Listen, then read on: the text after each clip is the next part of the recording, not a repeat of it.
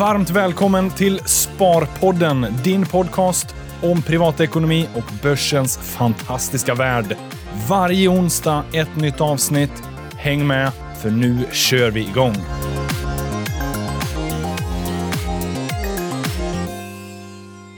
Hallå, hallå allihopa och välkomna till avsnitt 220 av Sparpodden med Jocke Bornold från Nordnet och med... Alexander Gustafsson från Nordnet också i ett och samma andetag. Ja, väldigt jobbigt. Ja. Live från eh, World Economic Forum i Davos. Eh, va? Nej, det är det inte. Men det hade varit coolt om det var så. Det hade varit otroligt coolt. Ja. Vi satt och Fanns, inte, gafflade fanns lite. inte budget till det. Nej, eller de, eh, de bjöd inte in oss helt De enkelt. tackade nej. De tackade nej. Tack, men nej tack. Vi sa till Trumpen att du får, eh, du får fem minuter kanske i podden. Men han begärde, för, han begärde mer liksom. Så att, Ja, ja, då, vi fick backa. Så. Men en stor grej. Ja, Davos, eller eh, Davos. Jag säger ju Davos. Davos. Ja, Davos. Davos. Om man ska dra riktig kimbo. Så är du ner till da Davos eller? Davos. Ja. Ehm, Men jag vad- tror vad att det det? finns... Eh, det är oklart vad det är för någonting. Ja. Men det, det är ju en, en Nej, snubbe... vänta nu, är det oklart vad det är? Ja, det tycker jag. För Ja. det är ju en snubbe som har det här, World Economic Forum. Ja. Det är ett möte, en mötesplats. Ja. Lite oklart eh, än- ändå eh, varför. Var- ja. eh, varför ska alla träffas där? För det är många som träffas. Mm. Jag tror att eh, det var ledare från 60 länder eh, som kommer vara på plats. Donald Trump är på plats, eh, gäng europeer är på plats, eh, Indiens Mm. eh, snubbe är på plats.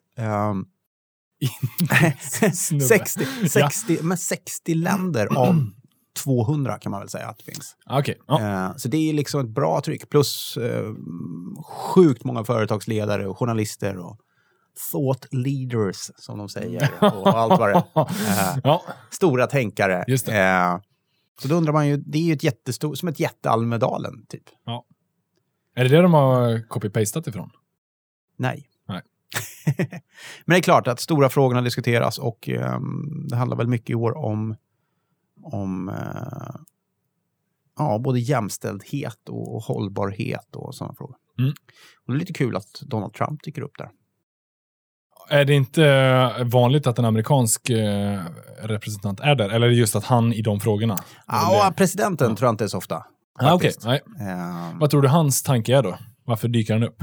Vad har, hans, vad har han på agendan? Världens enklaste. Ja. Förra året så dominerade Kina totalt det här Ja. mötet. Eh, och den kinesiska presidenten, han lät ju som en amerikansk president. Han, han gick upp och pratade om frihandel och han pratade om eh, allt sånt där som, eh, som amerikanska presidenter ska prata om. Eh, så att det är någon slags maktbalans där. Ja. Det är klart, han vill visa upp sig. Helt klart.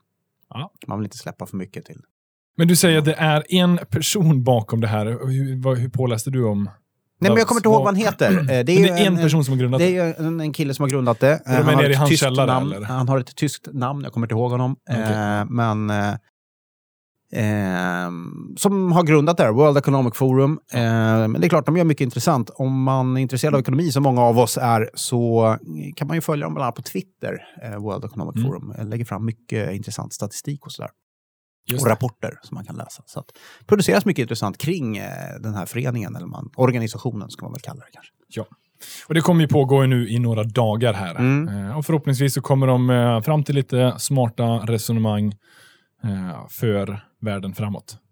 Absolut. Det går nog att hitta en och annan trend på Ja. vad som vart politiska vindar blåser, men också kanske vart eh, hur företagen tänker och vart de är på väg. Så. Mm. så att det går nog att snappa upp ett och annat som kan vara värt att tänka på även i sin eh, sparande. Ja. Hur är det, brukar Sverige skicka representanter dit? Ja, men det brukar vara massor. Det är ju nästan lika hett som Nordnet Live, skulle jag vilja påstå. Inte riktigt lika hett, men inte nästan. Riktigt, men Ja. nästan. Ja. Jo, men där är Jag vet inte, Löfven kanske är där, jag vet inte det. Men eh, det är ganska många företagsledare också som brukar vara där och visa upp sig. Just det. Men du... Eh, man betalar ju, det är ju, man betalar sjuka pengar för att få plats där. ah, okej. Det är inte ja. så att man bara går in och glider dit, köper en biljett och glider in och säger här är jag. Utan jag tror att man får eh, pröjsa ganska bra. Jag tror att, Mm. för mig att Nasdaq hade tre platser där. Eh, ganska säker på att de inte var gratis. Ja, det ser Jag man. var aldrig aktuell för någon av dem kan jag säga. Nej. Sjukt bitter varje år. Men du får ju ett Nordnet Live åtminstone. Ja, det får vi allihop. Eh, det ser vi ju fram emot sjukt mycket. Ja, det är klart. Vi, vi jobbar ju med det där. eh, Vi drar igång i, i juni Mm. med att jobba med Nordnet Live. Eh, och, så att det är ju... Det är lite vår, eh, vårt årsskifte, 15 februari. Mm. Det är där vi någonstans går ur dimman och kommer in i någonting nytt. Ja, så det är otroligt intensivt just nu inför. Ja, det är det. Superintensivt. Så att man, man, eh, det går dygnet runt nästan. Ja. Eh, och det, det är väldigt roligt. Kul att se att så många av er vill komma också. Ja. Eh, vi kör som vanligt på Waterfront och det kändes som att vi hade nog kunnat haft dubbelt så många. För vi fick stänga eh, Ja, anmälan väldigt väl- fort. Väldigt tidigt i år. Eh, det var rekord. Det är, det är ju nästan varje år för att det är ett sånt stort intresse just nu. Men det här var otroligt snabbt det gick åt. Mm. Så att, eh, ja, den är fundersam på vad vi kan hitta på framöver. Jajamän. Men sen så ska man veta att vi har ju en livesändning. Så Absolut. man kan ju följa allting ifrån eh, hemma i soffan, om Mm. man nu känner för det. Jag tror att vi hade, nu vågar jag inte säga det, men jag tror att det var närmare än 40 länder som såg in på Nordnet Live förra året. Just det. Någonstans där omkring. Det är ganska coolt ju. Det är lite häftigt. Ja. Så att det kanske sitter någon nere i eh, Davos, eller Davos, Ja, vet? kollar också sen i februari. Vem vet? Men du, vad ser du fram emot då på Nordnet Live? Vad är det du taggar för mest? Nej, men det är... Jag tycker det är kul ju. Det är, det är ju superroligt. Det är som en folkfest, Ja. man säger det. Jag tycker det är superhärligt. Ja. Eh, det, är ju, det är ju väldigt kul. Sen är det kul personligen. Ja, man lägger ner så enormt mycket tid och energi och kraft på det. Så det, det är väldigt kul att få göra det till slut. Man får gå ut på scenen där och bränna av det liksom någonstans. Men eh, väldigt mycket roliga gäster i år, intressanta gäster. Ehm, och gå gärna in och kolla på programmet, vilka som kommer. Eh, ska man lyfta fram någon? Eh, GV. GV är kul. Den det är han är alltid kul. rolig. Ja. Eh, jag har eh, Mikael Wolf, gamla Ja. Swedbank-vdn, ska bli intressant. Och tänkte med honom prata lite grann om vad lärde vi oss av eh, Lehman-kraschen och tiden efter där. Han var ju faktiskt vd för en av Sveriges största banker under en, en turbulent period. Ja, verkligen. En jobbig period framåt där. Och jag tycker han gjorde det väldigt bra. Eh, lite reflektioner och tankar kring det. Men också hur väl förberedda är vi för nästa kris. Eh, så det ska bli kul att in- intervjua honom. Det Annie all- Lööf. Annie Lööf, eh, jätteintressant läge förstås. Eh, svensk politik, vi går in i, vi har ett valår, Mm. eh, ganska nära valet. En superpolitiker är hon ju någonstans. Absolut, alltid vass. Ja. Haft med henne på några andra kundevent på Nasdaq bland annat. Hon, är, hon är väldigt duktig på scen också. Så att, Ja. en, en person som blir intressant att intervjua på grund av det. Ja. Eh, vad har du för... Eh, Ja, men jag ser lite fram emot spelbolagen. Eh, Ja. THQ, DICE, Mm. Evolution Gaming. ja, Det är ju heta sektorer just nu. sista programpunkten. Sista programpunkten. Ja. ja, det ska bli kul. Och sen så givetvis eh, Oscar från Oscar Properties. Ja, det har vi också. Bostadsmarknaden har ju svajat. Och då har vi ändå inte nämnt Jakob Wallenberg Nej. Ian Lundin. och Ian Lundin. Ja. Eh, Rune Andersson. Ja. Så Robert det, Andrén, jättespännande också. Ja. Eh, grundaren av Nordic Capital, kanske svenska riskkapitalisternas fader. ja. Eh, han brukar inte dyka upp på så många scener, eh, så det är jättekul att få med honom. Eh, kanske har det att göra med att Nordic Capital äger oss numera. Jag vet inte, men jag är jätteglad att han tackade ja. Därför Ja. att ehm, det är en historia som är ganska oberättad, kan Mm. man säga så, eh, i svenskt näringsliv. Och det är klart att han var med och eh, grundade en av de första riskkapitalfirmorna, Ja. kanske den första stora. Så att, De opererar Spännande. ju väldigt mycket eh, bakom. eh, Det är ju inte börsnoterat, utan Nej. då blir det ju också väldigt mycket... eh, det blir mer anonymt. Ja. Och har ju otroligt mycket inflytande i svenskt näringsliv. Absolut. Så den, är, Absolut. den ser jag också fram emot. Ja. Eh, nej, så det är massor. Det är hur mycket som helst och sjukt roligt att eh, så många tackar ja. Det är en... Eh, Ja. Eh, Läckberg kommer också. Det är också intressant. Ja. Eh, som eh, jobbar med, eh, inte bara skriver böcker om mord i Fjällbacka, utan även är väldigt intresserad av investeringar och, och gör investeringar också. Ja. Eh, och har en... Hennes paras Saliba, Mm, PR-kommunikation. mm. Väldigt spännande också. Så det är massor. Det kommer bli bra tryck från början till start. Eh, Men om man får eh, tuta lite i vårt egna horn, Nordnet Live är ju en, det är ju en stor grej numera. Nu är det Absolut. sjätte året i rad. Så det, det är ju många som tackar ja för att det är ju verkligen på riktigt. Så är det. Det är inte så svårt att... Det är lättare att få Ja. folk att tacka ja, Ja. Eh, vilket är roligt. Och, och, Och många vill för oss träffa är Jocke en- Bornold. Ja, eller? Är det därför också kanske? Nej. Nej, det är snarare tvärtom. Ja, okej. Eh, nej, det tror jag inte. Men, men jag tror att man tycker om att göra en... eh, en eh, att få en möjlighet att få berätta sin story, Mm. om man ska säga så, eller det man vill berätta på ett eh, bra sätt. Vi lägger ju ner enormt mycket kraft på att det ska vara ett proffsigt event. Ja. Att allt ska funka, att det ska vara... Och det är inte bara för eh, gäster, och, utan även för de som kommer som gäster för att tala. Inte Mm. bara för publiken, utan de som kommer och... Att det, det ska vara smidigt, det ska vara lätt. Vi tar hand om all logistik, liksom, så det är smidigt för de här. Komma in och, och känna sig avslappnade. För det är så här att jag tror ju att eh, vi får dem att berätta mer. Mm. Hoppas ingen av dem lyssnar här nu. Men jag tror att vi får dem att berätta mer om man gör det i en miljö där de känner sig trygga. Ja. Och, och det tycker jag vi har sett under åren. Jag tycker vi har haft några riktigt bra intervjuer faktiskt. Jo, men de alla har ju en intressant historia att berätta och Mm. eh, det är ju otroligt tacksamt att de delar med sig. Ja, det är superskoj faktiskt. Ja. Så det, är- ja, det ser jag fram emot. Det ska bli riktigt skoj. Du, vi kommer ju tagga Nordnet Live otroligt mycket här nu fram till Ja, så 15 blir det. Ni kommer, februari. Ni kommer toktröttna. Ja, Ja. mark your calendars. Eh, har man inte gått in och anmält sig, vi har ju faktiskt lite platser över kvar på kvällen. Eh, så att sista, sista passen, där kan man ju fortfarande få dyka upp om man inte vill se det live. Jag vet inte om vi släpp, har vi släppt på det? Ja, Ja. det har vi sett på. Så det är Yes, nordnet.se slash nordnetlive. Yes. Eh, den slänger man upp i favoriterna. Mm. Men du, någonting vi också taggar är ju lite utdelningssäsong. Ja, Nu står vi för dörren härligt! för utdelningsvågen som kommer varje vår. Jajamän. Eh, är du en sån som går hem och sitter och räknar och drömmer dig bort i hur mycket utdelning du kommer Nej, få? jag har ingen koll ens. Nej, du är inte det. Ah, lite, jag, jag har lite koll procent ungefär hur mycket det blir. Men Ja. nej, jag är, ingen, jag är ingen sån som... Jag gillar att det, det finns såna hö- spridda skurar i liksom aktiesparande. För en del är Ja. utdelning någonting otroligt heligt. Ja, Någonting som man bygger hela sin strategi kring, som man sitter och räknar, kalkylerar och estimerar. Hur lång tid har man kvar? Hur, hur snabbt kan man bygga den här ränta på räntan? hade en enorm diskussion med Jan-Ove Fallqvist, min gamle SO-lärare på gymnasiet, kring detta. Oj! Ja. Ja, han, han, På gymnasietiden? På gymnasietiden. Han, hade, han var en, tyckte jag då, eh, jag vet inte, någon, ju yngre man är desto mer är ju svart eller vitt. Eh, Ja. men han var ju, tyckte jag, en utdelningsfundamentalist. Just det. Eh, det hade vi många diskussioner om. Han, han var en sån som verkligen satt och räknade Han visste det. på kronan. Ja. Ja, du har alltid varit en lite mer, ja men jag vill ha aktie, kurstillväxt är lika bra. Ja, lite Ja. så. Absolut. Eh, och ibland kan jag tycka att man delar ut för mycket pengar, eh, faktiskt. Att eh, man ska låta pengarna jobba i bolaget istället. Men absolut, Ja, men, det, är, eh, det är en viktig, viktig del, är utdelningen. Man ska få det, är det. Ja, men utveckla lite då. I vilka fall finns det några exempel där du känner att ta de här stora tillväxtbolagen, teknikbolagen, varför de, inte del, varför de delar ut? Borde de inte kunna återinvestera? Ja, det, men det, det, det finns väl... Men För- alltså, ta ett Apple som är ju sjukt innovativa, sjukt Nej, men där finns ju så mycket kassa så det är löjligt. Det, det är ju, Det finns ju en gräns du inte då kan bara att dela ut. Nej, men absolut. Gör inte det så gör inte det. Nej. Då, då ska man dela ut. Absolut. Men det finns ibland man har alldeles för slimmade balansräkningar. Därför Ja. att man vill behålla, ofta är det för att man vill behålla utdelning, liksom, att man inte vill sänka den. Att det blir liksom någon slags prestigegrej över det.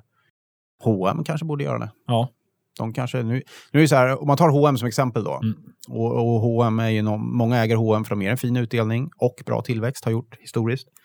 Men, men samtidigt är det så här, ja det är tufft för H&M att och mäkta med den här utdelningen eh, faktiskt på, på det kassaflöde man har. Och då är det lite jobbigt kanske. Då, och då kan man fundera på man kanske ska sänka den då. Å andra Ja. sidan, H&M är rätt lågt belånat, så det finns liksom utrymme för att, att eh, öka på belåningen och sådär. Så, ah, jag vet inte. Nej. Det finns ju lite mer politik bakom det som man inte alltid kanske reflekterar över. Ja. Eh, Det finns ju några större aktieägare som är väldigt beslutsfattande Mm. i vad utdelning ska vara. Och de har ju oftast egna aktieinnehav som de vill fylla med utdelning. Ja. Eh, Så, men nej, det, det förväntas väl vara i alla fall en, ett, ett ordentligt utdelningskalas till våren. Det kommer det bli. Ännu Eh. större än förra året. Ja, det tyder väl på att vi har fortsatt god ekonomi, eller hade åtminstone förra året. Ja. Så att det ser vi väl fram emot. Förväntas väl på large cap öka med 5% ungefär tror Ah, Okej, ja. jag. Eh, Så att, eh, det är väl bra. Det är väl jättebra. Men du, lite spännande på tal om just sån här utdelningsnördar. Så börjar det bli lite mer vanligt med delårsutdelning. Mm. Eh, och här, här är Jocke Bornold skeptisk.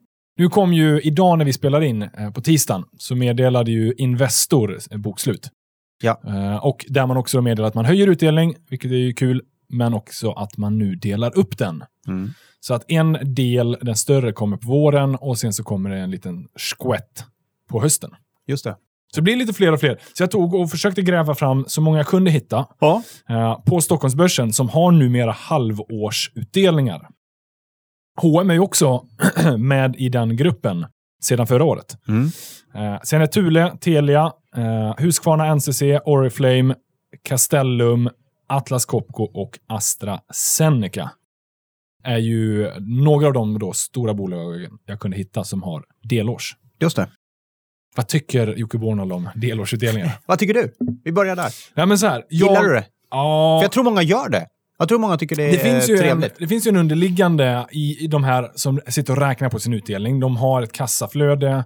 Många har idag drömmen och ambitionen att leva helt eller delvis på sin aktieinkomst. Mm. Och ett konstant kassaflöde är ju en möjlighet till det. Mm. Så att då fattar jag att man vill ha utspridd utdelning.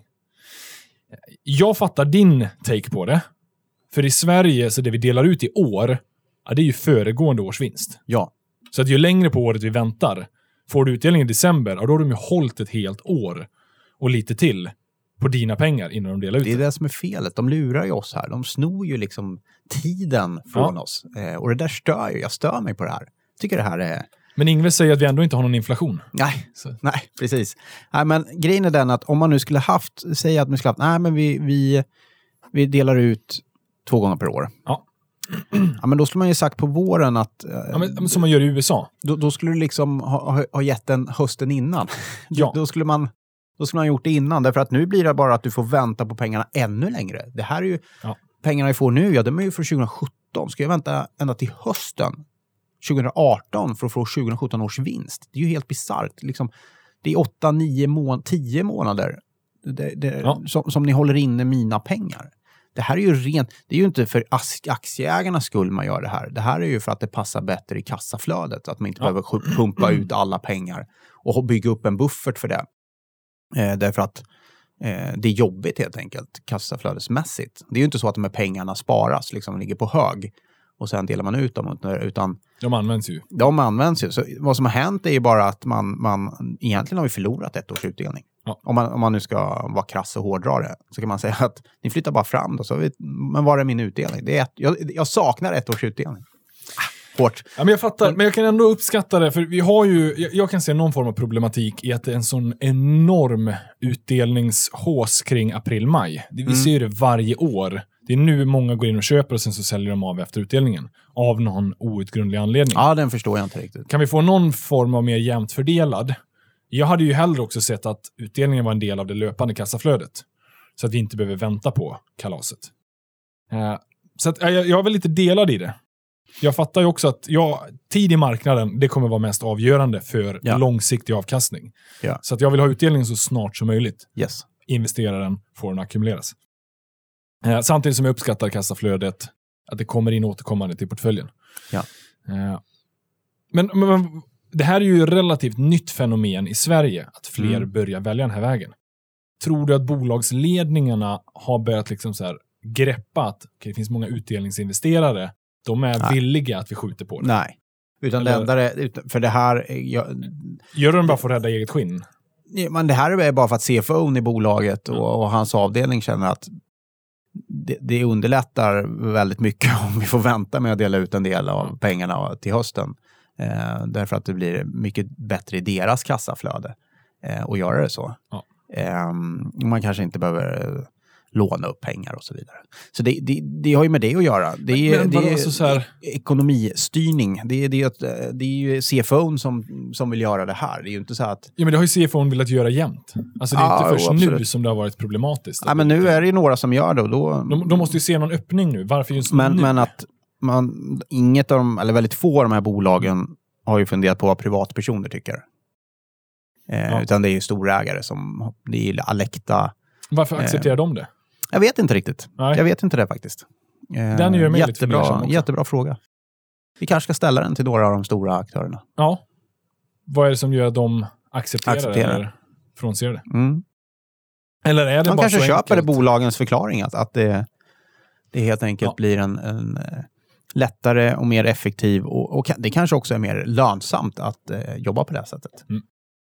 Helt klart, så kan det Men, vara. men du sa lite tidigare, om vi bara ska backa lite på det här med att en del bolag delar ut för mycket. Mm. Kan man ta lite så här sk- skiften eller skiljaktigheter mellan Sverige och säg, USA, så är ju utdelning är ju så sjukt mycket mer heligt i USA. Det är Mm. ju en del bolag som lånar för att behålla, Ja. bara för att man har haft den i 50, 60, 70 år. Mm. Eh, Sverige har ju få sådana exempel där man har hållit utdelning så länge. Ja. Utan det är oftast att man sänker vi har- i sämre Vi tider. har ett ganska nytt case där, där man eh, kan se vad viktigt det är. Och det är ju Tele2 Ja. och det här budet på kom hem. Där man straffar Tele2 väldigt hårt på börsen.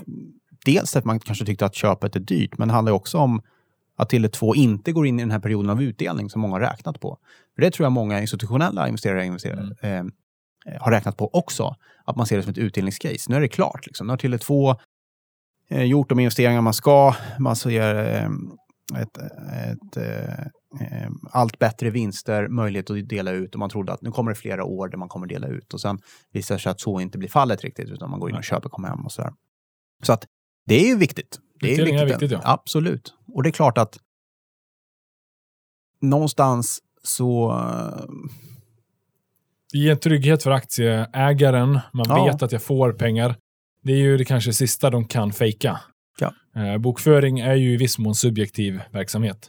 Du Mm. kan lira och trixa lite, men Lite utdelning är ju liksom pengar in på mitt konto. De Ja. ser jag. De kan ta Så är på. Absolut. Ja, Eh, vi får se om det här blir en trend. Eh, eller det är en trend. Ja, vi det får se om hur definitivt. stark den blir. Så Ja. kanske vi ska säga. Om än, än fler börjar konvertera över. Mm. Det finns ju också, Hemfosa eh, har ju faktiskt kvartalsvis. Mm. Annars är ju det otroligt vanligt i USA. Mm. Eh, men utdelningssäsongen står ju för dörren. Så eh, ja, Jajamän. det kommer vi säkerligen kunna... Rapportsäsongen, såg du. Netflix? Nej, jag har inte hunnit se än. Bra men, start eh, på eh, ja. säsongen kan jag säga. Hörde att den här var väldigt, väldigt bra. Ja, den mottogs väldigt fint. Men nu är det, det är ju amerikanska marknaden. Om Mm. vi ska hålla svenska då, vad är känslan där? Har vi samma raketer att se fram emot här? Jag tror lite grann som det har varit de senaste kvartalen är att förväntningarna är ganska höga. Eh, så du, du behöver nog leverera på det och jag tror de flesta kommer leverera på de Ja. förväntningarna. Men om du missar så blir du straffad väldigt, väldigt hårt. Just det. Ehm, och så har det ju varit ehm, de senaste två, tre kvartalen egentligen. Att det har varit så. Ehm, så att, äh, det blir rätt spännande. Det kommer nog bli ganska turbulent. Vi, vi pratar mycket om att volatiliteten Mm. i marknaden är väldigt låg. Men det är ju i marknaden som helhet. Kollar man enskilda bolag så är ju volatiliteten kring rapporterna ganska hög. Ja. Får man säga. Så äh, jag vet inte. Det ska bli intressant. Vad tycker du? Ja, men jag, jag, jag ser också fram emot det. Eh, jag tror ju inte att vi kommer få samma eh, hås som vi såg förra året, Q1. Eh, där det verkligen, eller när vi såg boksluten förra året. Mm.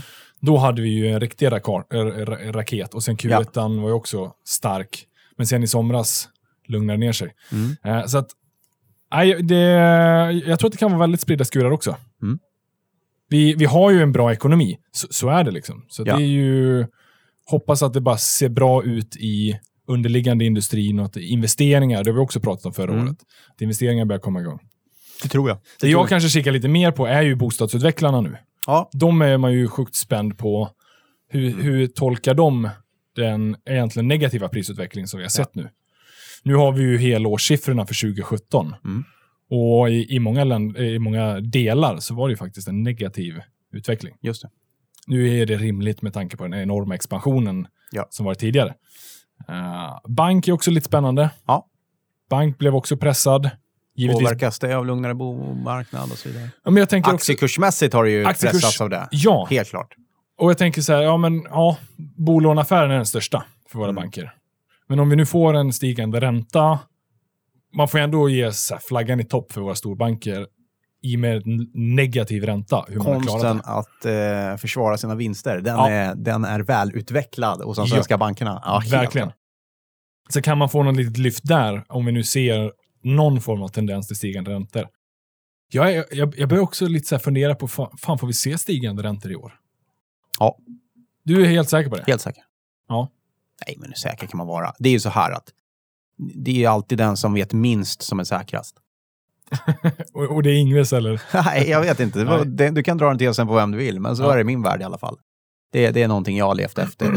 Eh, Jag lyssnar minst på den som är säkrast, mest på den som eh, är osäker egentligen. Eh, det tycker jag är... Eh, jag vet inte varför det är så. Men, men, eh, Ja, men man, man blir ju lätt fundamentalist om man är helt liksom, störtsäker. Framförallt om man ska spå framtiden. ja, det är otroligt absolut. svårt. Det, det, det, går inte. Men, men det finns många som säger mycket kloka saker. Men Och, jag, jag är bara så här, nu har vi hört det så många gånger. I år kommer vi höja räntan. mm. Men vad fan, när kommer det då? Ja, men nu är det så otroligt mycket som pekar mot att här. eh, inflationen är nog här och jag tror man underskattar den. Eh, att den kommer mycket snabbare och starkare. Ja, absolut, men, men jag vet inte. Nej, Nej det, det är som alltid, vi får väl eh, leva och se Ja, vad det blir av det. absolut. Men, Men det finns en tendens, och det tror jag finns i, i alla möjliga saker. Det, är del, det kan vara så här, teknikutveckling, det kan vara inflationsförväntning eller det kan vara vad som helst. Men, men människan har en tendens att tro att det ska slå igenom mycket snabbare ehm, än vad det gör. Men att det inte heller blir så kraftigt. Det, är- det är liksom en eh, annan tes som jag har. att Förstår du? Att, Ja. att, att eh, det tar längre tid innan saker händer. Ja. När de väl händer så händer det mycket kraftigare. Eh, till exempel digitalisering eller Ja. vad det än är. Liksom, att man underskattar eh, tiden tills det händer. Det går, tar, saker och ting tar längre tid. Mm. Eh, men man underskattar också kraften när det väl händer. Att när det slår igenom, slår igenom mycket eh, kraftfullare. Och det tror jag handlar om exakt samma sak med eh, inflationen här till exempel. Att, att eh, eh, vi underskattar kanske, och, och jag själv också har trott den skulle komma tillbaka mycket snabbare. Men när den väl kommer så kommer den komma mycket kraftfullare. Jag tror inte inflationen är död. Det tror jag inte. Nej. Ja, det är lite spännande det där med just vad man tror om teknikutveckling framåt. Mm. Vi har ju otroligt höga förväntningar på vad vi kommer att lyckas åstadkomma. Mm. Eh, och någonstans så har vi också lyckats åstadkomma så sjukt mycket. Mm. Men, men samtidigt, ja, var sak tar sin tid. Mm. Den får man inte glömma. Eh, och väldigt ofta så är så här, gamla strukturer hänger kvar. Det tar Ja. tid innan vi släpper garden helt. Mm. Eh, Men det, det är ju så, det är lätt att prata idag. Eh, av en ren tillfällighet pratar jag om bo.com. Du är ju för ung för att komma ihåg bo.com. ja, men jag, vet, jag vet ju vad Bo.com Ja. är. Eh, och det var ju superhett då eh, i början av min karriär. Och det var ju det Köpte här... du några? Nej, nej. Det, det var Framfab. inte... Ja, de var man inne i eh, förstås och härjade runt. Ja. Ikon Media Lab eh, hette de väl, kunde man eh, handla på någon sån här uppskyr eh, via Hagström och Kviberg tror jag. Telefonhandel. Eh, mycket spännande. Eh, och... Eh, men de skulle ju sälja kläder på nätet. Ja. Och det, det, det, det blev ju ingenting av det. Liksom. De var för tidigt ute. Det tog mycket längre tid innan folk började handla kläder på nätet. Men de, var ju, de tänkte rätt. Liksom. Och man, man tänkte att ja, det blir en liksom, nischad aktör sälja kläder på nätet. Men då hade man aldrig kunnat föreställa sig att man ja, nu Idag nästan är det sjut- vedertaget. 17 år senare har ett Hennes Mauritz som går på knäna på börsen på grund av e-handel. Då det liksom bara... Det, det liksom verkligen exploderar. Så det är, eh, det är fascinerande. Ja. Jag har säkert här- helt fel, men det är... Det är Ja, men man pratar ju ofta om den här Moores law, law eller ja, lag, vad man vill säga. Det är väl att eh, allting eh, teknikmässigt dubblar sig var typ 18 månad eller något sånt där, tror jag. Okej. Eh, Ja, men jag känner igen det här. Och det där blir ju ja, jag vet vad du menar. exponentiell kurva Precis. som heter duga, Mm. i och med att det dubblar sig hela Murphys law, det är lagen om alltings... tiden. Den exponentiellt åt andra hållet. Ja. Det, Förvirrande Den tror jag mer på. nära. ja. Du tror mer på Murphy. Ja. Ja. Nej, det är eh, sjukt spännande vad mänskligheten står inför framtiden. Vad tror vi är så här, eller har du någon känsla för vad, vad tror vi kommer vara heta branscher och sektorer under året? Nu hade vi ju så här 2017, då var det ju spelbolag. Mm. innan 2016, 2015, då kändes det ganska mycket bio, eh, bioteknik. Fastighetsutvecklarna. Fastighetsutvecklarna också. Eh, bettingbolag Mm. har ju varit i ropet dessförinnan. Spelbolagen, alltså eh, dataspel, tv-spel. Ja, men exakt. Ja, skulle, De kommer ju fortsatt vara de ganska kommer att vara fortsatt rätt heta. väldigt känns som. lönsamma i alla fall. Mm. Oj. Den är också svår att sia om. Ja, men jag tror att i år, om, om det är någonting som kommer slå igenom rätt rejält så är fokus på hållbarhet. faktiskt. Vi har pratat Mm. hållbarhet enormt mycket i, i podden överallt och lite svårgreppbart. Men det går inte att komma ifrån att oavsett till exempel det här med klimatförändring, oavsett om frågan om du tror på den eller inte, den är helt ointressant. Det är bara att konstatera att den nu får en enorm effekt på, på många bolag. Och, och eh, där tror jag det kommer hända massor nästa år. Nu, nu är det en hygienfaktor. Ja, det är det. Och Det det är en risk eh, som du måste väga in. Eh, Jag var och lyssnade faktiskt idag på en konferens just om det. Och Ja. Lyssnade bland annat på Falin heter han väl, som är eh, Chief Investment Officer på Andra AP-fonden. Och just det här med undrar om inte marknaden värderar många branscher helt fel. Mm. var hans, eh, en av hans konklusioner. Eh, och hur han som en stor förvaltare av ett x antal miljarder ska hå- förhålla sig till det. Eh, och det där tror jag är ett, det är ju inte en bransch, men, men det är ett fenomen, fenomen, eller det är en, nej det är inte ett fenomen, det är bara ett faktum att där kommer många eh, tänka om när det kommer till sin förvaltning och det kommer påverka aktiekurserna tror jag Ja, i vissa bolag. Så där är liksom, det tror jag att eh, det blir på riktigt nu. Det Men har varit väldigt mycket snack, men jag tror att det blir allt mer på riktigt. Men fick du någon känsla för vad han tänkte i eh, hur marknaden felvärderade? Det är ju, alltså, Ja, men det, det, det kommer ju... premieras ju ganska bra ändå, att man är hållbar och... Absolut, men, men det kommer ju ändå till... Nej, men det handlar nog om alla bolag Ja. i som är liksom, till exempel i oljebusinessen. Eh, hur ska man hantera det liksom, eh, och så vidare. Eh, men det är, det är många bolag. Men, hållbar, Flygbolag tar man vad som är. men hållbarhet kommer ju inte bli ett fenomen som i att liksom när Kodak säger att nu ska vi jobba med kryptovalutor. Nej, absolut så inte. stiger aktiekursen Nej, absolut 20%. inte. Det var bara ett tema som jag tror Ja. kommer bli mycket, mycket starkare och mer Rumsrent. tydligare. Ja. Det kommer mycket tydligare eh, vad det innebär och, och det kommer få lite mer konsekvenser. Det ser vi fram emot också. Ja, Det men blir det, bra. det är spännande. Det är en Ja. väldigt spännande eh, period. Ja. Du, jag. Jag säger att industrin. Industrin Industrin. har ju varit väldigt het, Ja. men jag tror att det kommer finnas vissa... Eh, nu kommer det ju komma... Vi slår i produktionstaket, det är ju bara så. Ja. I, I Europa också, eh, på alla möjliga håll och kanter. Och det ska bli intressant att se. Där kommer det finnas en del vinnare som kan eh, tjäna pengar på det tror jag. Vi får se vilka det blir. Men, men eh, bland underleverantörer och de som kan leverera när de andra får stopp, de kommer kunna ta betalt för det. De kommer kunna trycka upp sina marginaler ganska bra jag. Ja. Du Det ska bli intressant. Teknik kommer att förändra det då? Att vi... Inte det här året. Nej. Eh, Men alla kommer börja investera. Ja. Därför jag tror alla behöver göra det. Därför att det är inte produktivitetstillväxt och allt det där som har gjort att vi har haft en högkonjunktur. Nu gör jag så här eh, Ja. tecken med fingrarna, för jag tillhör ju inte de som tycker vi haft någon fantastisk högkonjunktur. Eh, utan det är ju faktiskt varit att man varit väldigt, väldigt duktig på att rationalisera, effektivisera det man har. Man har liksom ma- ma- utnyttjat det till max. Det är ju inte så att man investerat sig eh, till ny produktivitet och så vidare. Mm. Så det ska bli superspännande. Det är ett jättespännande år framför oss. Det ska bli skitkul helt enkelt. Ja. Faktiskt. Härligt. Positiva, Jag är sjukt taggad. positiva and, äh, vindar. Eh, du, jag tänkte vi ska avsluta med lite fråga eh, i vanlig Sparpodden-anda. Eh, så att jag tänker vi kör på med en gång. Då är det at Maestro på Twitter. Eh, Sparpodden med min valuta, SEK, i Sverige. Ifall vårt lilla valuta, eh, vårt lilla land, vår lilla valuta börjar spöka, behöver jag vara orolig för valutarisk med mitt buy and hold, månadsspar. Eh, och då exempel Spiltan Investmentbolag och DNB Globalfond. Ifall ja, hur kan jag då skydda mig lämpligtvis? Tidshorisont 50 år. Jag tycker det är en lite spännande fråga ändå. Mm. Eh, den är ju så här. Vi lever ju i Sverige, vi konsumerar i svenska kronor, vi får lön i svenska kronor, vi sparar i svenska kronor. Andra valutor påverkar ju oss, Mm. generellt sett.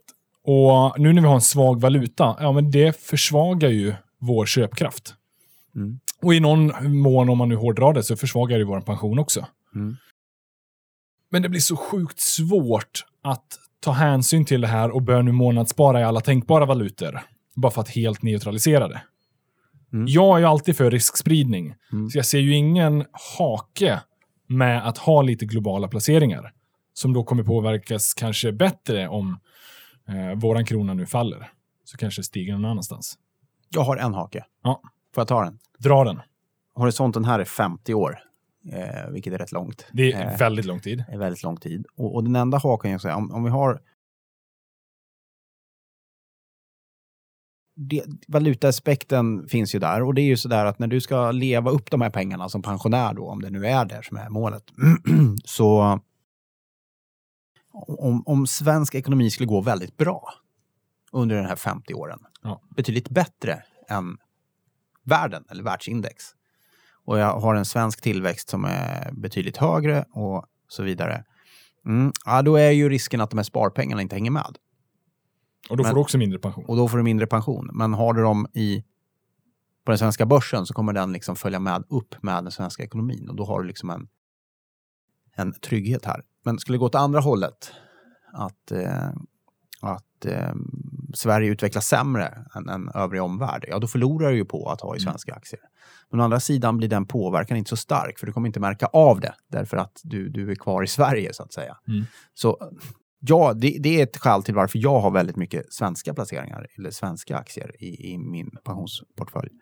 Men, men det där är, och det måste man komma ihåg att för en institution, då har man inte det tänket. Då tänker man att man ska ligga neutral valutamässigt, men då har man inte tänket att man ska spendera pengarna. Det är, ren, det är en ren allokeringstänk. Och det är riktigt ur ett vetenskapligt perspektiv. Men de har glömt bort, eh, man kan inte lyfta över det rakt av till dig som privatperson därför att du ska konsumera de här pengarna i en valuta. Mm. Och då har du en exponering mot det.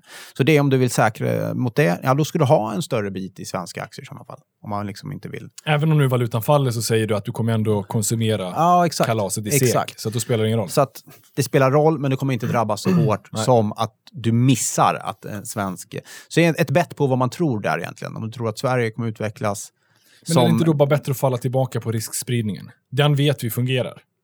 Ha, Ja. det, ha kalaset lite spritt. Ja. Det skadar ju inte att ha lite utländskt. Nej, absolut inte. Absolut inte. Om det Ja. nu är så att Sverige går sådär sjukt bra, vilket det kan ju göra, för det har det gjort historiskt. Ja. Men det kan ju också bara gå helt medelmåttigt. Ja. Sen så, jag vet inte, 50 år, tror du inte vi har suddat ut landsgränser lite mer?